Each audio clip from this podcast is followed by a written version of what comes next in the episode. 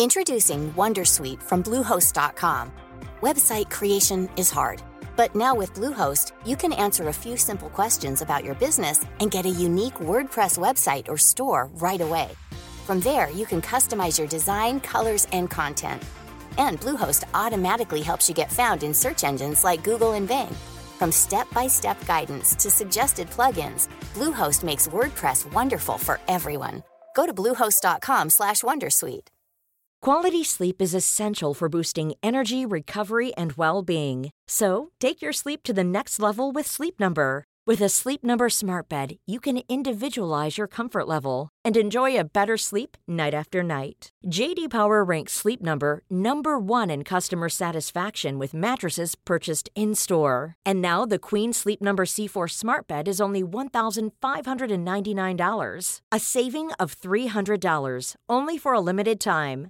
For JD Power 2023 award information, visit jdpower.com/awards. Only at Sleep Number stores or sleepnumber.com. Normally, being a little extra can be a bit much, but when it comes to healthcare, it pays to be extra.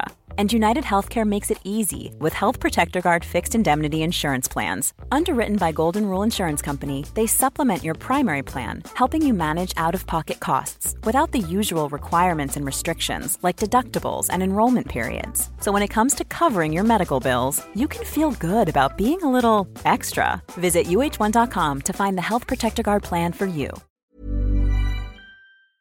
Den här veckan presenteras Market Makers av inga mindre än Ikea. Och det här, Fabian, ligger mig varmt om hjärtat. Eh, det var ju några år sedan nu, men då var jag faktiskt med och inredde kontor till företaget jag drev. Men vi, och vi körde faktiskt i princip uteslutande möbler från Ikea, med kök och hela rubbet. Eh, och som nog alla vet, varför väljer man Ikea? Jo, för att det står för hög kvalitet, snygg design och fantastiska priser. Ja, jag sitter i en kontorsstol nu från eh, Ikea och jag vet ju att många finansexperter där ute gillar att köpa de här Herman Miller-stolarna för, och går om för 5 till 10 000.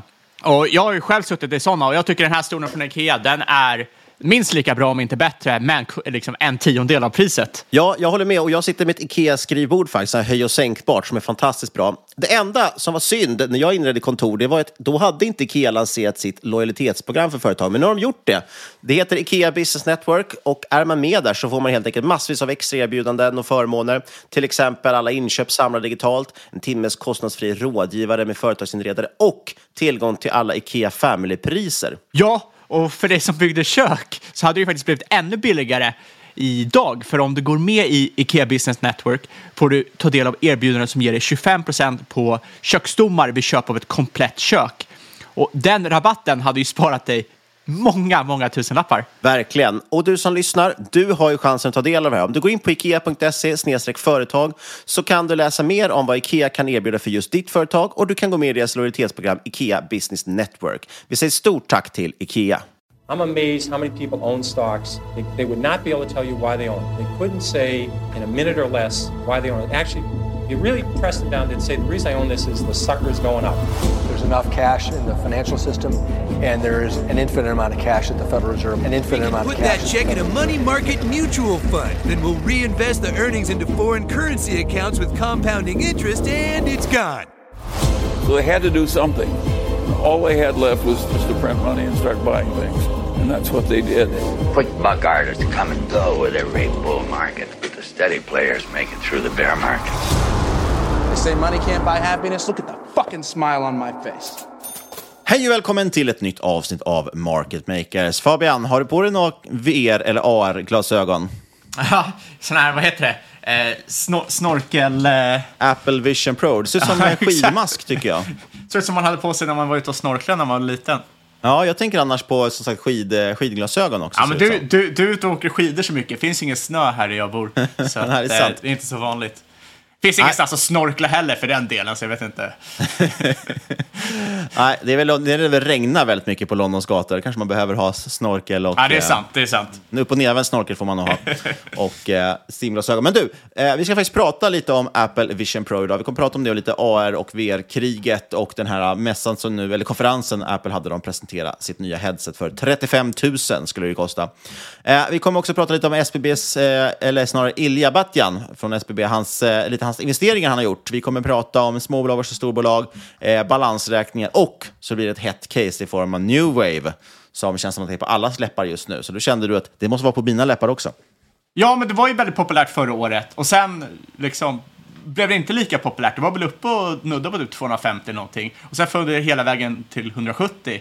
Och nu är det väl, sitter det harva runt 190, så det var ändå Ja, lite rabatt man kunde få där. Ja, och det jag tycker är intressant faktiskt med New Wave är just att eh, jag tycker nu, att man, eftersom man har hört storyn på ganska många håll, så tycker jag att det känns som att den är etablerad. Men tittar man på marknaden, tittar man på priset, så är det väldigt uppenbart att marknaden fortfarande inte har tagit in den här nya storyn i New Wave. Men vi kan återkomma till den när det kommer, så det finns fortfarande en stor möjlighet där tycker jag.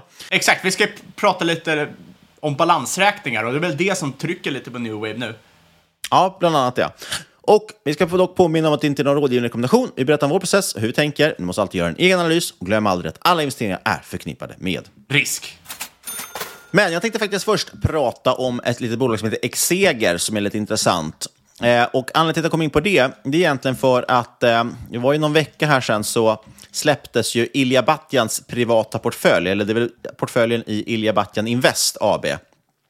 Och eh, inte så konstigt kanske, hans största position i SBB som han vid det tillfället, det här var väl en eller två veckor sedan, låg i 80% back på det ungefär. Eh, det, här, är- det här är data från Holdings, ska jag tillägga. Eh, men sen är det rätt fascinerande vad mer han äger för någonting, för det är verkligen mycket skitbolag i den här portföljen, om ursäkta uttrycket. Men han äger Eniro Group, som han är back 76%, han äger Alpcot Holding, minus 55%, Candles Scandinavia, det är väl doftljus tror jag, nästan minus 50% där också. Tessin, som också är såklart fastighetsinriktat, minus 93 procent. Eh, sen något som heter MBRS Group, som jag faktiskt inte har koll på riktigt, minus 94 procent. Klimion, minus 92 procent. Och det är dock hans absolut minsta position. Man får ju tillägga det som sagt att SB är det som är absolut största såklart. Eh, sen har vi också Urbit, eh, som ju liksom känns som det var konkursfärdigt för ganska länge sedan. Minus 99 procent drygt på den investeringen. Så att, jag säger inte det här för att håna Ilja, jag säger inte det här för någonting, men, men det säger ganska mycket om eh, att man kan tänka sig, återigen, att hans privat, privata situation är visst lite pressad. Liksom. Eh, I och med att han måste få loss likvider och så många av hans innehav verkar ha gått ganska dåligt. Han har industrivärden, det är hans faktiskt enda innehav som verkar vara på plus här. Sen antar jag att han har mycket också privata investeringar och, och andra pengar såklart också, så det är inte så att jag säger att han nödvändigtvis är på ruinens brant. Men man förstår att han har behövt göra utdelningar från SBB och så vidare. Och nu kollar de ju också efter en köpare som jag förstod att han klev ju också av vd-posten. Det, det, det kanske inte är så konstigt att Klimion och Urbit är de minsta positionerna i bolaget med tanke på att de har fallit 90 plus procent. Så är det. Det kan, ha varit stora, 99 inv- procent. ja, det är faktiskt sant. Det kan ha varit stora investeringar från början. Eh, men lite intressant här ju. Eh, jag såg nämligen då också att eh, Exeger finns ett bolag som heter. Väldigt spännande. Jag vet inte, har vi pratat om dem tidigare i podden? Jag minns faktiskt inte riktigt det. Ja, jag tror inte det, aldrig. Nej, då kan jag ju nämna någonting om det. Jag faktiskt ägde faktiskt lite aktier där förut. Eh, jag Du har ägt aktier i allting, känns det ja, det är... En riktig swing trader om du förstår vad jag menar. Ja, nej, men, och, och det har varit väl ingen bra investering, eh, men, för det är ju ett onoterat bolag faktiskt. Går dock att handla via Pareto kan jag tillägga. Om det är någon som skulle vara sugen på att handla det så kan man röra sig till dem. Inte sponsrat. Men eh, de har en jäkligt cool produkt. De har egentligen en... kan man höra av sig till dem? Nej, men man får, man, det, det går inte att handla den direkt på deras börs, alltså på deras eh, mäklarsida, liksom, utan du måste höra av dig. Eh, du kan inte handla den direkt på sidan, du måste höra av dig till dem. Precis som att ringa in en telefonorder i princip. Så det är det jag menar. Men Exeger har en jäkligt cool produkt. Om man minns sen, sen man var barn när man gick i skolan hade man ju miniräknare med som en liten solcellsfolie typ på, om du minns, som, som laddade batteriet genom att man helt enkelt hade ljus i rummet. Så det var inte bara solljus, utan alla typer av, sol, eller alla typer av ljus kunde ladda de här batterierna i miniräknaren. I princip har de tagit den tekniken, byggt en variant på det, gjort lite snyggare också. Och nu kan de implementera det i allting. Vet inte om Samsung är deras kund, men vi har en sån Samsung Deframe-TV. De har ju då Samsung nu på sina fjärrkontroller till TVn, just sån här film på baksidan. Så för att ladda batterierna i fjärrkontrollen, då lägger man bara kontrollen upp och ner eh, i ett ljust rum och så laddas den automatiskt. Och det är jäkligt coolt. De har också ett samarbete med jag tror att det är Urban Ears, det svenska eh, hörlursmärket. Då har de satt den här solfilmen, eller vad man ska kalla det för, uppe ovanpå hörlurarna. Så att när du är ute och går utomhus med dina hörlurar så laddas de automatiskt. Eller du kan lägga dem i ett fönster eller vad som helst. Väldigt, väldigt cool, intressant teknik. Eh, och de har gjort en del applikationer som är, där det är väldigt snyggt. Man kan knappt se att det är någon form av solfilm. Fan, eh, det där, det där är coolt. Uh, undrar om de kan integrera i den här eh, TI-84-grafräknaren man hade på universitetet, för den dog fan alltid när, man, när man inte hade råd. När man behövde den som mest. Ja, alltid på en tenta eller någonting. Ja, nej, men det är ett väldigt coolt bolag. Tyvärr, gått ganska knackigt för dem. Eh, de ökade ju i princip, eller ja, de har legat ganska flät med omsättning i många år, men förlusterna har ju skenat. Och jag tittade faktiskt nu här 2021, deras årsredovisning, har de ju backat ganska kraftigt. De omsätter lite drygt 40 miljoner nu eh, och går dock nästan 300 miljoner back. Eh, så det har inte varit någon kul för det här bolaget. Det har inte gått något bra och de har hela tiden pratat om att snart är vi redo för börsen, snart är vi redo för börsen, men det händer inte. Och varför pratar jag om de här när jag pratar om Ilja Batljan? Jo, det visar sig att Ilja köpte ju aktier i det här för ungefär 380 miljoner kronor eh, 2021 och 2022. Eh, och nu när han säljer dem får han loss ungefär 120 miljoner för han har sålt de här. Vilket ju också såklart har gjort att XCG-aktien har tryckts ner rejält när man har så pass stor säljare på en onoterad aktie. Eh, så att, det kan vara intressant kanske dock att kolla på. Är det nu liksom, tror man på det här bolaget framåt, kanske den här kursnedgången eh, kan vara intressant. Eh, men det där säger också någonting om att det, det kan vara så ibland att man pratar om att man pratar ju om att det är skillnad när man investerar i aktier på att man investerar för att bli rik eller man investerar för att behålla sin rikedom eller för att fortsätta vara rik. Eh, är det liksom, handlar det om att du försöker bygga upp kapital eller bevara ditt kapital? Eh, och en grej jag måste säga här med Ilja, det, det, känns som att han har ju inte riktigt jobbat med låg risk i sin överportfölj. I, jag kan tycka det är lite klantigt, i och med att man tagit så hög risk i SBB och byggt upp det och gjort det väldigt bra liksom, fram tills nyligen, eh, i, när räntorna skenar iväg, så är det lite synd att han inte i sin övriga portfölj verkar ha satsat på att liksom, behålla kapitalet, plocka ut utdelningar, låta SBB gå bra och så bygga det i en, i en lite mer stabil portfölj, som typ industrivärden då, som är enda innehav på plus. Den typen av innehav hade, varit, hade nog varit väldigt tacksam över att ha idag. Ja, det, är, det är svårt. Eh, är man, är man lite av en high så är det väl svårt att ändra, ändra sig. Det finns en anledning varför man blir miljardär och det är sällan för man är, inte är riskbenägen. Eh, den här boken, vad heter den? Eh, More money than God. När han går igenom liksom alla de här kända hedgefondkillarna som blev supermiljardärer. Oavsett om det är George Soros eller Stanley Druckenmiller eller vad det är det man kommer fram till är att alla kör ju på supermycket leverage, tar rätt höga risker eh, och det är en anledning varför vissa förr eller senare spränger sig själva. Det, det, det, spelar ingen roll om de har en eller flera miljarder, det tar aldrig slut. Det finns alltid nästa play. Nej, och det där är ju lite tokigt och, och framförallt och sagt när man hamnar i en sån här rävsax som man har gjort nu, eh, då är det väldigt svårt att ta sig ur det när man då inte har i princip illikvida innehav, eller innehaven inte värda så mycket längre. Och det har verkligen varit slakt på, på småbolag nu. Eh, helt galet, det är liksom i princip coronanivåer på den kraschen om man jämför liksom small cap mot eh, övriga, alltså index egentligen. Eh, så har det gått otroligt, otroligt kraftigt ner. Eh, och jag förstår det samtidigt. Det är många som har blivit rädda för att äga de här småbolagen. I att så många har kraschat nu så är man lite rädd för det. Vill hellre ha de här trygga bolagen. Ryktet på stan från eh, Bullseye på Twitter är ju att många fonder också har börjat rata mer och mer i likvida innehav. Och det kan man förstå. Eh, på grund av att det är just det här problemet att de måste ha möjlighet att kunna lasta ut om de verkligen behöver, liksom, om de får utflöde i fonden till exempel eller behöver likviderna till något annat. Och förut har man ju pratat om den här gränsen då på runt en miljard i börsvärde. Där någonstans börjar det bli intressant med fonder. Det har vi lyft många gånger. Eh, och rykte på stan gör ju nu gällande att det snarare kanske man börjar prata om två miljarder eller någonting i börsvärde som en nedre gräns. Eh, så det är intressant. Men det betyder ju andra sidan då att det finns fler möjligheter för oss som har eh, tiden på sin sida eh, och som har då, man kan bygga en edge, i det har vi pratat om, att just titta på de här småbolagen som privatinvesterare. Eh, och jag tror det gäller ännu mer nu och då, då, ökar till och med universumet. Sen har det varit väldigt tråkigt att sitta med de här små innehaven eh, eftersom de har gått väldigt dåligt. Men eh, ja. Det är väl egentligen inte så stor skillnad på en miljard pre-2020 och efter, och två miljarder efter 2020 med tanke på inflationen. så kan man säga. Samtidigt har ju alla de här bolagen under en miljard har blivit så otroligt mycket mindre. Så att det är många, många fler bolag också som klassar in där under en miljard, under två miljarder för den delen. Eh, samtidigt är det väldigt intressant det där. Det finns ju stora möjligheter i, i små bolag. Liksom. Men man får tänka att man får lite tålamod. Jag tror att det här inte är bästa perioden just nu, men det kanske är den bästa perioden att leta bets inför framtiden.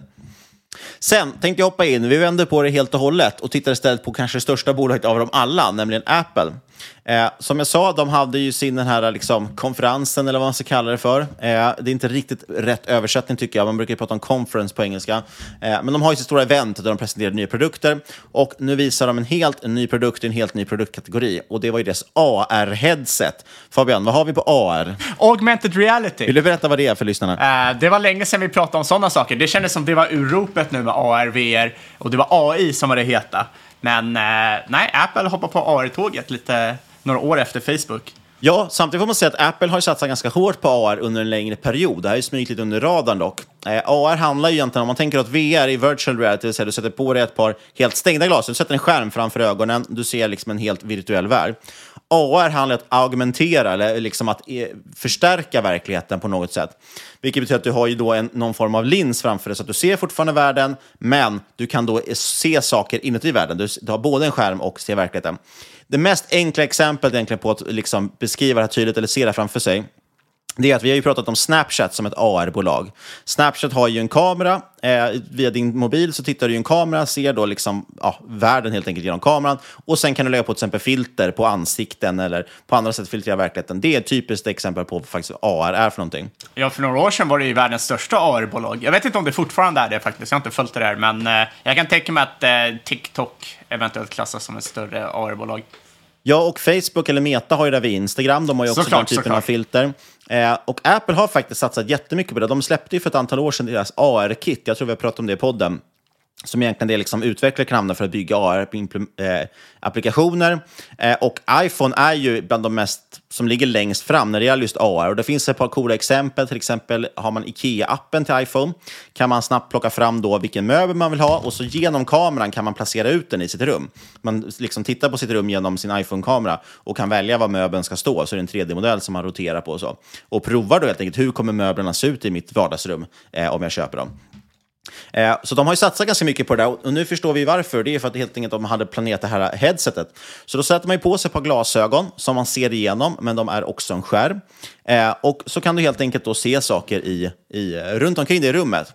Eh, Och till exempel då kan du välja att ja, men jag vill ha en tv där, eller en riktigt cool funktion om du ska använda den när du jobbar det är att du då kan titta ner på din Macbook och då kommer den automatiskt se att det är din Macbook, känna igen den och snabbt koppla upp sig så du får ett virtuellt skrivbord i luften och kan då välja hur stor skärm du vill ha, vart skärmarna ska vara och så vidare. Eh, och något som jag också tyckte var rätt coolt faktiskt med det här, eh, det är ju att du styr det här via din röst, eh, via dina ögon. Du har ögonigenkänning, den trackar dina ögon, vad du tittar på för någonting, men också via dina händer. Och det gör den genom att den har kameror på utsidan som filmar neråt. Så den ser när du scrollar med ditt finger, liksom, eller klickar på någonting i luften. Eh, och scrollar och klickar då i, i eh, vad heter det? På, skär, på din virtuella skärm helt enkelt. Så att vi får se. Det var ju ett antal år sedan, det måste ju snart vara tio år sedan, Google hade sina VR-glasögon som vart ju en superflopp.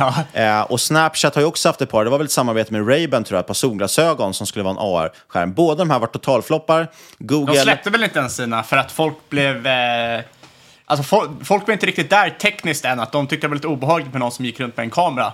Ja, och Microsoft har ju haft en produkt som heter HoloLens som länge har varit exakt det här som, som eh, Apple släpper nu också. Eh, den har jag faktiskt provat. Den är väldigt cool. De har ju satsat lite mer på business to business, industriapplikationer. Att du ska kunna stå till exempel på ett bygge, ska kunna sätta på din HoloLens, se då ritningen av liksom huset du jobbar på eh, i luften och så kunna vrida och vända på den lite som i en Marvel-film. Problemet är ju dock, jag har ju provat HoloLens, det, det var ju så små skärmar eh, så det, det liksom funkade ju inte så snyggt. Alltså, applikationen är väldigt coolt, men när du väl sätter på dem där så är det väldigt litet det du ser. Det var ganska dålig bild och så vidare. Eh, kan Apple lösa den? Kan de verkligen få det att se ut som att det är på riktigt och du verkligen får en stor fet skärm?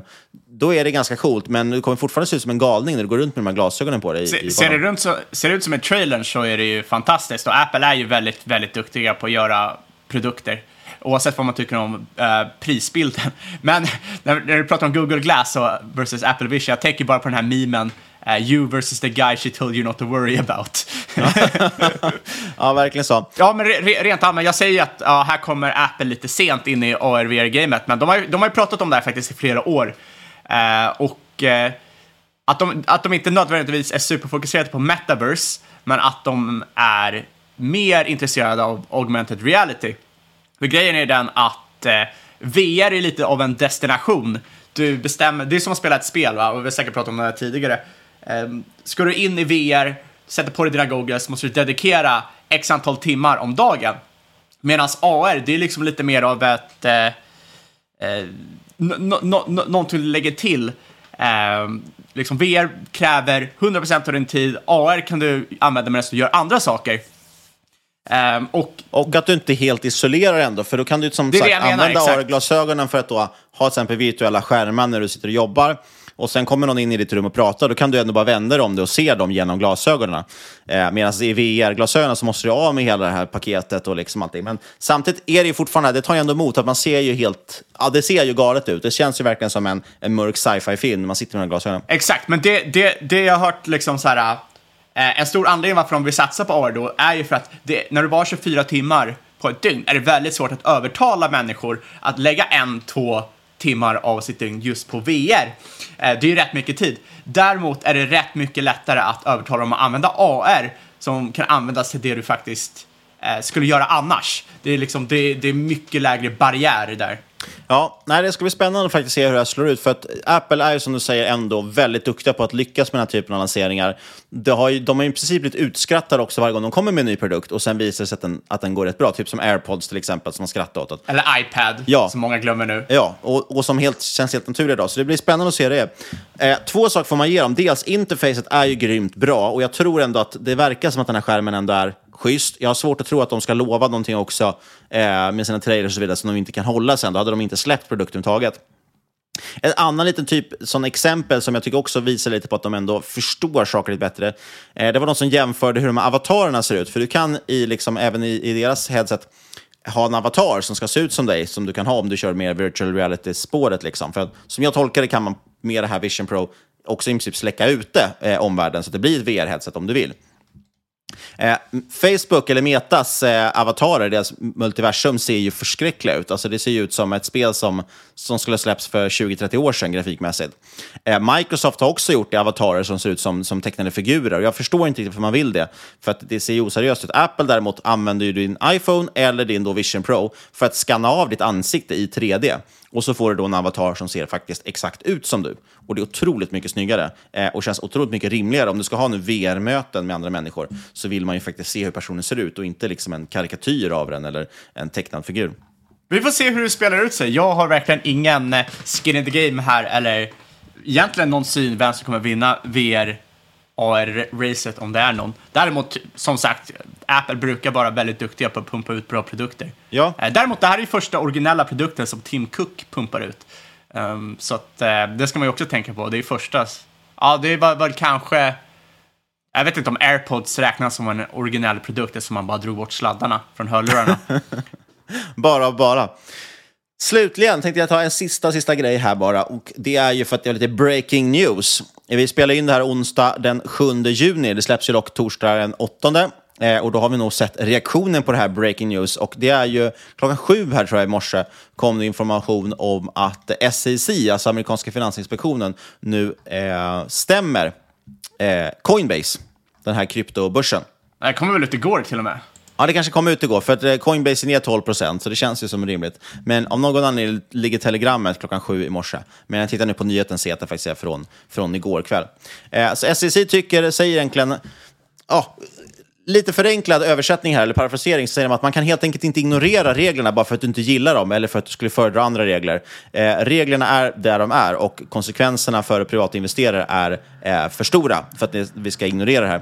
Så att de helt enkelt eh, går ut nu och stämmer Coinbase och menar att Coinbase, i och med att de har liksom registrerat på ett annat ställe än USA och att de inte följer riktigt reglerna för, för värdepappershandel och så vidare, eh, ja, så, så stämmer man helt enkelt. Och, eh, jag har faktiskt ingen aning om hysteriken ser ut i sådana här fall, hur ofta SEC vinner och så vidare. Men spontant känns det som att SEC har nog på fötterna. Eh, de drar väl sig för att stämma ett bolag. Det, det är ju inte bara Coinbase de går efter, de går efter till exempel Binance också. Mm. Um, så att om du har dina krypto på en, eh, på en kryptobörs, på en exchange, ryck dem direkt. För du, om du inte har lärt dig någonting på FTX-skandalen och liknande så är det alltid att om, om du äger krypto ska du sitta med din egna plånbok, inte på en eh, exchange. Nej, och jag noterade också när jag skulle ta ut pengar från en kryptobörs här nyligen så var det också så att min bank vägrade ta emot pengarna. Eh, så att jag fick gå via en annan bank. Så det kan också vara intressant att tänka på. Många har ju blockerat insättningar till kryptobörser, eh, som vad jag har hört. Men nu såg jag också då ett praktiskt exempel på att de eh, verkade blockera ett uttag också. Eh, men anledningen till att jag nämner just Coinbase i det här fallet är ju för att Coinbase är börsnoterad ändå, på, på Nasdaq är det väl. Och dessutom så såg jag i samband med det här nu att eh, Cathy Wood och Ark Invest, de har ju köpt eh, aktier för drygt 200 miljoner i just Coinbase efter den här stämningsansökan kom in. Så de satsar ju på att det här kommer inte gå igenom. De tar ett ganska stort bett på att eh, de tror att Coinbase kommer klara det här, gissar jag på. Ja, vi, vi, vi, vi får se. Jag, jag har som sagt ingen aning eh, hur utfallet eh, blir. Jag är dock inte alls förvånad att SEC går efter dem. Det var väl liksom lite av det som var på, på tapeten, varför man tyckte det var jäkligt skumt att Coinbase var upp 90% på året för några månader sedan. Och med det hoppar vi in på dagens huvudämne, eller dagens huvudcase. Och jag vet att du bland annat vill prata lite balansräkningar. Ja, det, det här är lite... Det började med att jag började kolla balansräkningar. Eh, eller så här, många lägger väldigt mycket fokus på resultaträkningar. De skiter lite i balansräkningar och kassaflödet och noterna i en årsrapport. Eh, men de är såklart väldigt viktiga också för att förstå bolaget. Eh, rent allmänt så tycker jag att många lägger allt för mycket tid på att sitta och skruva på sin värdering som är baserad på vinsten och eventuellt någon marginal. Eh, lägger väldigt lite tid på att försöka förstå hur den här eh, vinsten kommer till och hur bolaget bakom eh, fungerar. Eh, så jag blev lite sugen på att prata balansräkning efter jag skummade igenom en av rapporterna för ett av bolagen vi pratade om förra veckan. Eh, och jag tänkte liksom relatera det till det bolaget och sen eh, till ett annat bolag inom en annan sektor. Det är ju New Wave. Och det är jättespännande. Jag skulle säga balansräkning är min stora svaga punkt också. Jag tycker att det är helt enkelt är väldigt tråkigt med balansräkningar. Så min, mitt, eh, min lösning har ju oftast varit att jag försöker välja bolag som eh, har enkla balansräkningar där det inte är så viktigt så att säga. Eh, till exempel undvika banker och fastighetsbolag. Exakt, men det finns oftast mycket som gömmer sig i balansräkningen som ger ett litet hum om eh, liksom vad som händer i resultaträkningen. Så kolla liksom, eh, bolaget vi pratade om förra veckan, växte omsättningen eh, cirka 300 procent year on year. Eh, såklart väldigt imponerande. Management menar att man har en ny säljare, den här säljaren är väldigt bra. Eh, det är inga problem med det. Men eh, om man ser det här i samband med att det till exempel bryter mot en tidigare trend i tillväxten, eh, kanske är strax innan notering, Eh, då kan det vara värt att eh, undersöka om man kan komma fram till eh, om det här är en hållbar tillväxt. Och det är inte alltid jättelätt att se det här bara om man bara skummar resultaträkningen. Men det kan liksom komma fram om du sitter och kollar på balansräkningen och eh, kassaflödesanalysen och noterna så kan man börja pussla ihop det här. Och just nu tänkte jag fokusera på balansräkningen, vi har inte hur mycket tid i världen som helst. Eh, och för att det var just i balansräkningen som man hittar en väldigt eh, intressant rad här för det här bolaget. Eh, för det är framförallt en rad som sticker ut och det är kundfordringar. Eh, fordringar har ökat cirka 17 gånger year on year. Eh, och det här är ju väldigt mycket mer jämfört med ökningen av intäkter. Och här gäller det ju såklart att försöka tänka ut ett scenario till varför det här skulle kunna hända och förstå om det här är bra eller dåligt för dig som ägare. Det är liksom när du analyserar ett bolag, du vill inte bara sitta och kolla på siffrorna och försöka gissa dig till någon ny siffra. Du vill ju förstå varför siffrorna är som de är. Du vill förstå liksom vad som faktiskt händer i bolaget. Um, så vad är en fordring? Ja, det är ju pengar som en kund är skyldig dig för utfört arbete. Så varför kan fordringarna ökat så mycket på kort tid? Och eh, bara en snabb liten detalj där, för en del tror jag att det är känner inte till riktigt det där begreppet. Om man tänker, vi kan ta två exempel. Om H&M till exempel säljer en produkt, eh, då går ju du in i en affär, du köper faktiska tröjan till exempel, betalar med den ett kort, med kort i, i, i kassan. Eh, då får ju, du in, då får ju H&M in pengar direkt på sitt konto, så att säga. Eh, då har man, blir det ju ingen kundfordran, utan du har sålt en produkt, du får pengar in. Och så tror jag de flesta som inte har någon koll på kanske ekonomi, alltså bokföring och så vidare, eller har drivit företag, tänker nog att det är så det funkar för alla företag. Men majoriteten av verksamhet går ändå på fakturor, det vill säga du beställer till exempel, som en hantverkare, du beställer att någon ska komma hem och slipa ditt golv. De kommer dit, slipar golvet, skickar en faktura med 30 dagars betalningsvillkor på till exempel. Och under de 30 dagarna, eller fram tills att du faktiskt har fått betalt på den här fakturan så kommer den här hantverkaren att bokföra det här som en kundfordran. Det vill säga, jag har en fordran mot den här kunden. Jag har, de har en skuld till mig helt enkelt, som jag ska få tillbaka. Så är vi övertydliga med vad kundfordran är för någonting egentligen. Exakt. Så det är helt enkelt arbete man har utfört men väntar på att få betalt för. Exakt, för att du redovisar ju liksom en försäljning när den händer, men det betyder inte nödvändigtvis att kunden faktiskt har betalat samtidigt. Um, och då är det ju viktigt att, liksom, om man ser att det här kanske sticker ut lite, så kan det vara viktigt att kolla på varför det har ökat så mycket på kort tid. Uh, och det kan såklart finnas flera skäl. Ett rimligt skäl som eh, jag uh, anser kan vara rimligt är till exempel att man erbjudit längre betalningsvillkor för att locka in fler kunder. Ehm, och då kan man ställa sig frågan, liksom, eh, följande här. Liksom, kan det här vara ett problem? Varför kan det här vara ett problem? eh, ja, vinsten som rapporteras kommer ju såklart vara högre eh, än de faktiska pengarna som kommer in till företaget. Samtidigt som företaget måste betala sina egna leverantörer. Du löper alltså eventuellt en risk för likviditetsbrist. Och det där jobbar ju stora företag väldigt mycket med. Är du underleverantör till Volvo så har du antagligen typ 90 dagar på dina fakturor innan du får betalt. Medan Volvo själva gärna vill ha betalt inom några dagar. Och det är ju ett sätt att, att balansera den här likviditeten. De har ju alltid då överlikviditet.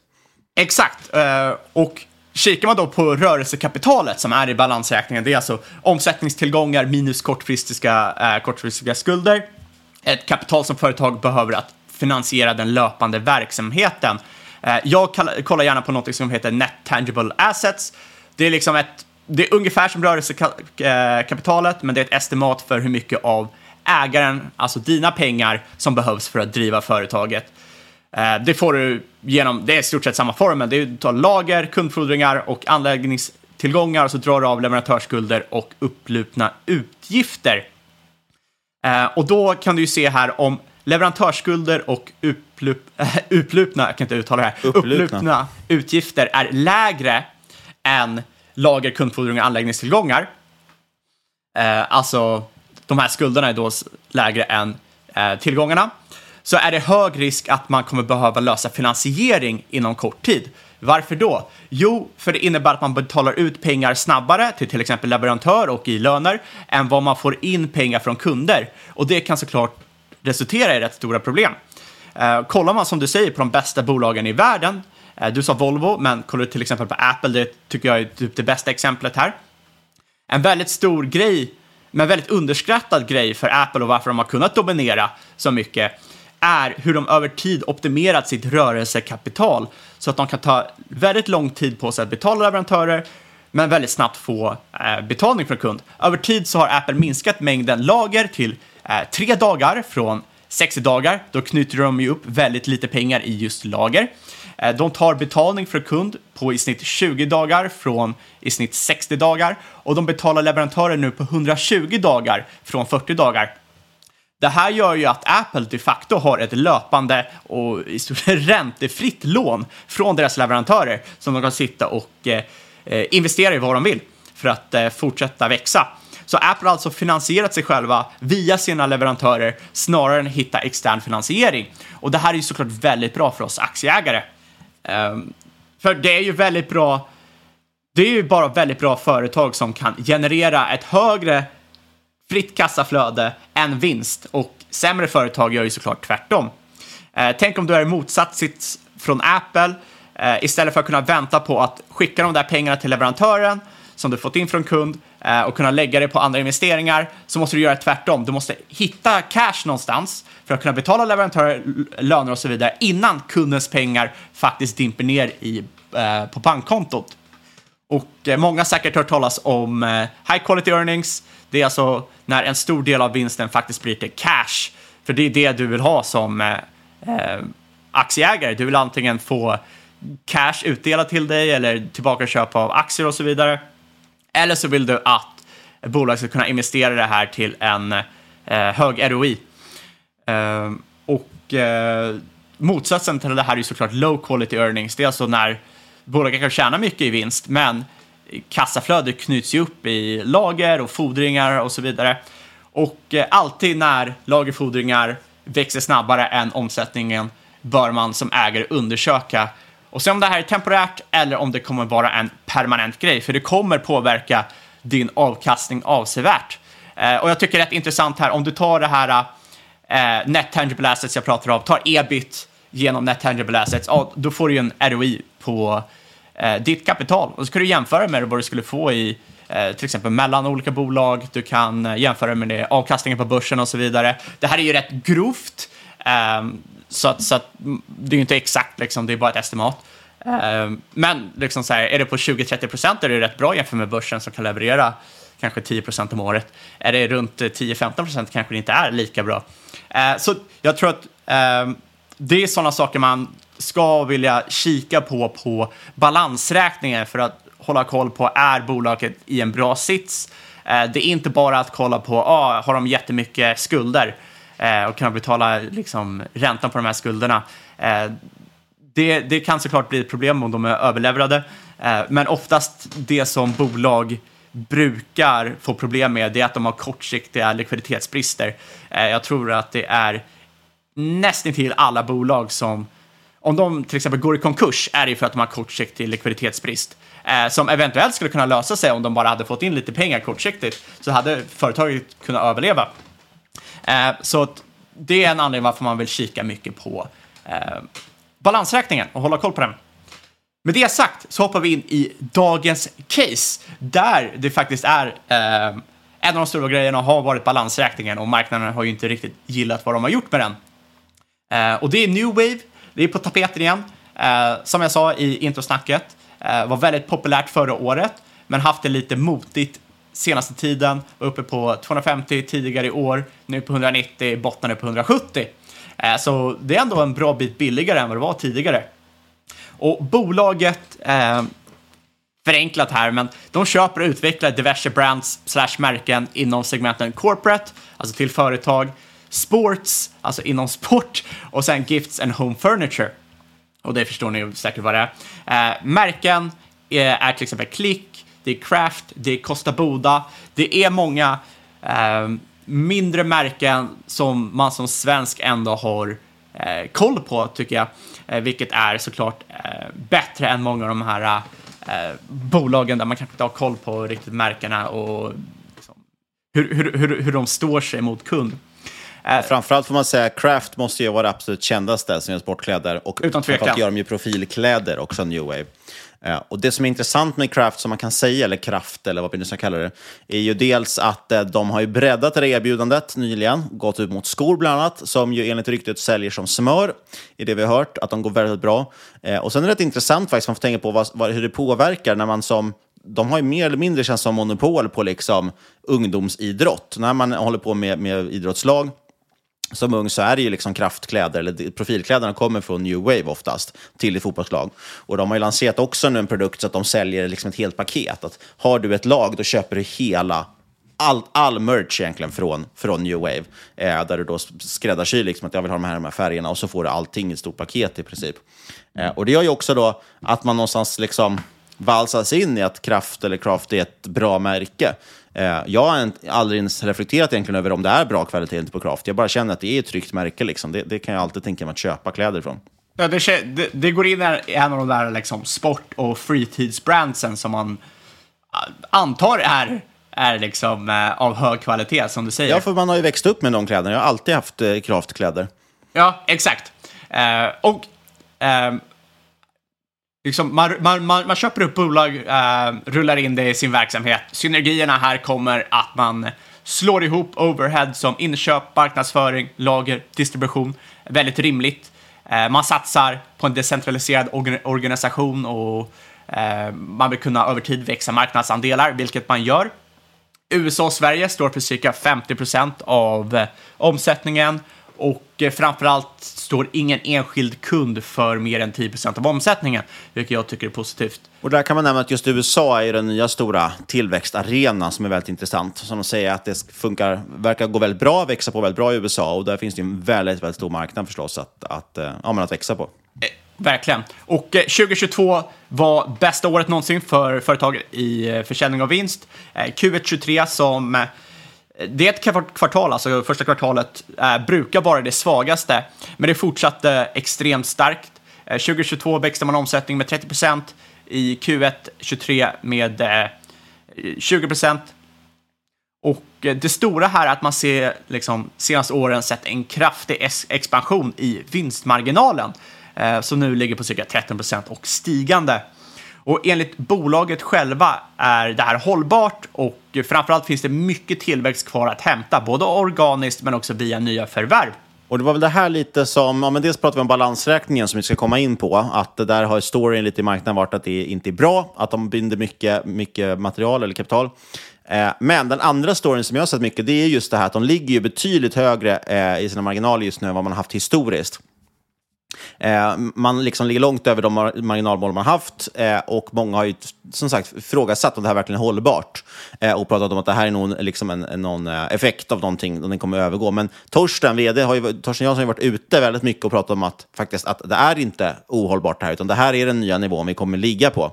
Eh, vilket är väldigt intressant. Och det känns som att tittar man på, på kursen så, så tvivlar ju fortfarande marknaden på att det han tror på, eh, på att det stämmer, det Torsten säger. Men historiskt känner jag, känner jag lite att, eh, vi har ju pratat om att det här med att man ska lita på Lars, eh, lita på Lasse är det många som har gjort i Embracer. När det gäller New Wave så känner jag dock ganska trygg att man kan faktiskt lita på Torsten, man säger. För övrigt, bara en liten eh, sidogrej, att jag såg ju honom också på flygplatsen i Arlanda, när vi landade från, eh, eller jag landade från Chicago när vi var i Omaha så såg jag dem på flygplatsen. Bara lite kändis. Det är inte så ofta man gör börskändis-spotting. Oj, det, det är galet. Du så, jag tror inte du sa det tidigare. Nej, jag tror att jag kanske skickade en bild i vår chatt. Och, för han satt ju och väntade på samma bagageband, så han har uppenbarligen, uppenbarligen varit i Chicago och gjort någonting. Ja, eh, som du säger, man, man, ska inte, såklart inte lita på management helt, eh, men de har ändå hållit i den här tillväxten och marginalexpansionen i några år nu. Eh, de har ett tillväxtmål på 10-20% framöver, varav 5-10% organiskt. Eh, och så satsar man ju på 15% i rörelsemarginal. Och det får man ju helt klart tycka är bra för den här typen av, eh, eh, för den här typen av bolag. Och nu hoppar vi in på balansräkningar, för det är det det här avsnittet handlar om. Vi har dragit rätt mycket om det redan, så jag ska hålla det här lite kortare. Men senaste året framförallt så har man ju kraftigt byggt upp sitt lager Eh, Eh, och det här kan ju såklart ses som en risk eftersom man knyter upp kapital och det är väl många analytiker och marknaden i liksom helhet som har sett det här som en risk också. Ja, för att det har ju varit det så, så har det sett ut. Om man tittar på till exempel H&M så jobbar ju de precis tvärtom med att man vill försöka minimera hela tiden sitt lager. De vill ju ha en snabb omsättning av, av tillgångar. Det vill säga, så fort de har tillverkat en tröja så vill de ju så fort som möjligt få ut den till kund eftersom det är modeprodukter. Eh, det intressanta med och därför har man ju tyckt också New Wave, när laget har svällt hela tiden, så har man ju tyckt att, att det känns väldigt osäkert och läskigt. Eh, I och med att man vill ju, som sagt, enligt traditionella, liksom, traditionell ekonomi inte ha ett lager. För det finns ju risk att man inte kan sälja det lagret, att det bara är, byggs upp på hög och så går det inte att ja, få det sålt helt enkelt. Och då är det ju inte längre en tillgång, då borde den skrivas ner. Men Torsten menar ju på att det är tvärtom, eftersom de jobbar med profil, profilprodukter, det vill säga lag, fotbollslag till exempel som beställer tröjor och så vidare, så är det tvärtom. Ett lager är en stor tillgång. Det går inte ut ur mode, de här produkterna. Och det är snarare en tillgång, som sagt, nu när vi har haft de här supply chain-problemen också. Att, ja, de enda som typ har kunnat leverera är New Wave, för de har så stort lager. Och de vet vilken typ av produkter de ska sitta på för att det ska bli liksom en bra affär. Eh, eller för att kunderna ska vilja ha kläderna. Ja. Så att, eh, han har ju med att det har varit en stor tillgång och det har ju visat sig att det har varit det också. Ja, exakt. Och fra framförallt säger de att det är Eh, ofta, ofta, många företag bygger ju lager lite spekulativt, det gör väl New Wave också, men eh, Torsten säger ju också att det här är för att man är väldigt säker på sin framtida efterfrågan och man bygger upp lagret just för att kunna möta den framtida efterfrågan. Eh, och som du säger, corporate-segmentet framför allt det krävs ju hög kapitalbindning eftersom om inte storlekar eller färger som kunden vill ha eh, finns, ja då kommer de gå till någon, liksom, någon annan vart.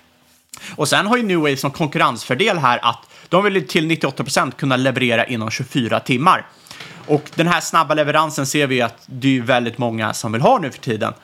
Eh, så att det, det, är liksom, det finns ju faktiskt en anledning varför de binder upp kapital. Och som du säger, det är faktiskt låg inventarierisk här på de här produkterna eftersom det är mest basplagg, de dateras inte. Eh, du kommer ju kunna sälja dem nu eller om ett år eller om två år om det är så.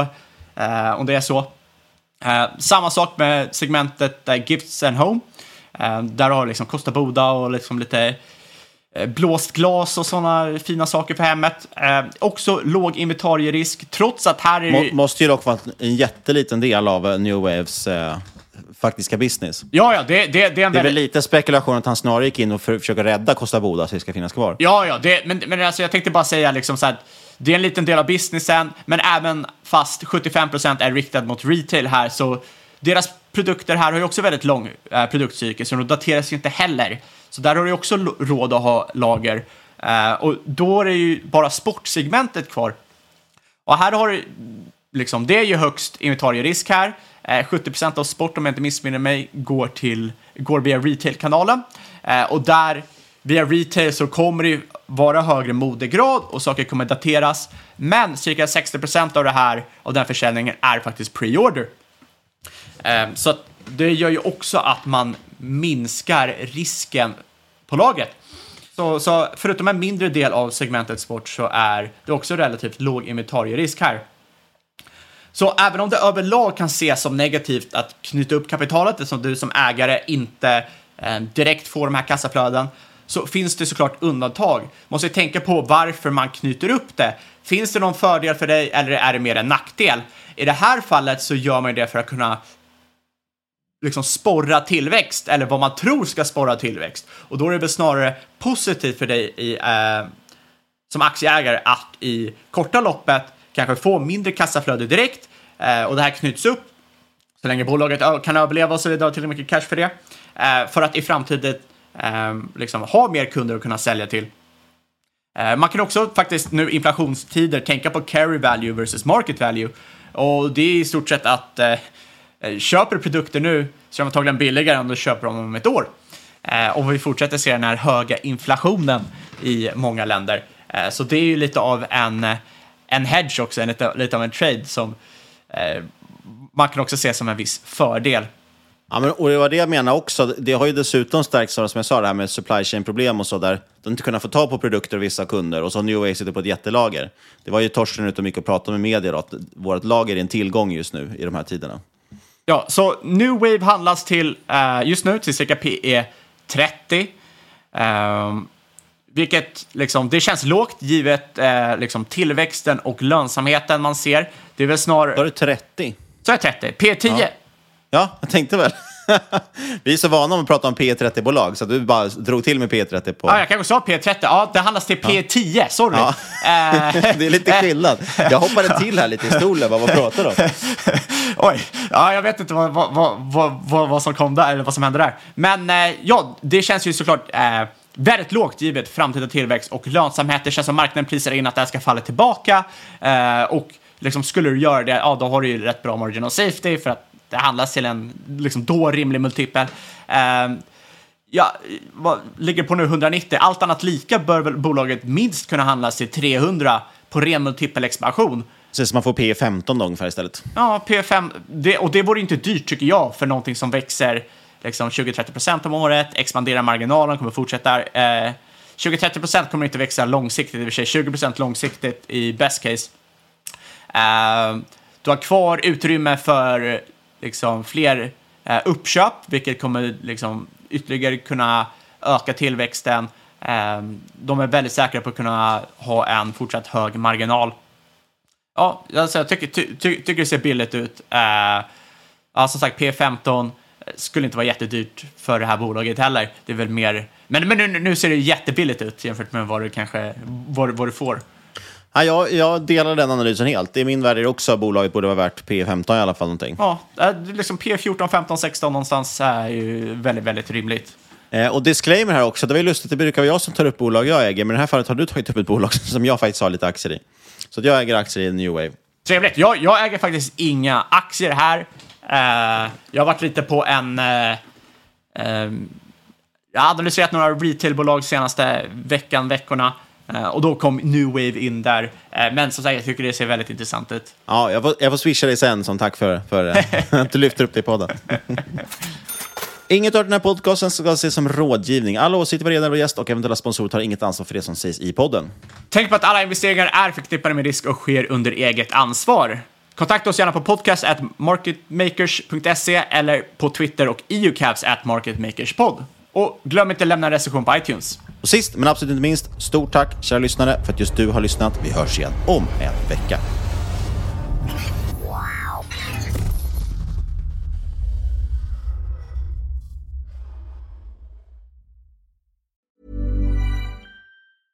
Hi, my name is Danny Pellegrino from Everything Iconic, and I'm excited to talk to you about Club Med. Club Med operates beach and mountain resorts and is the best all inclusive getaway for families. They have Club Med Punta Cana, their flagship family resort, and many other options in Mexico, the Caribbean, and around the world. Club Med are the pioneers of the all inclusive concept, which is the best way to vacation. Great for families, groups, or even solo travelers looking for land and water sports, delicious food food, and a place to make unforgettable memories. Visit clubmed.us, call 1 800 Club Med, or your travel advisor.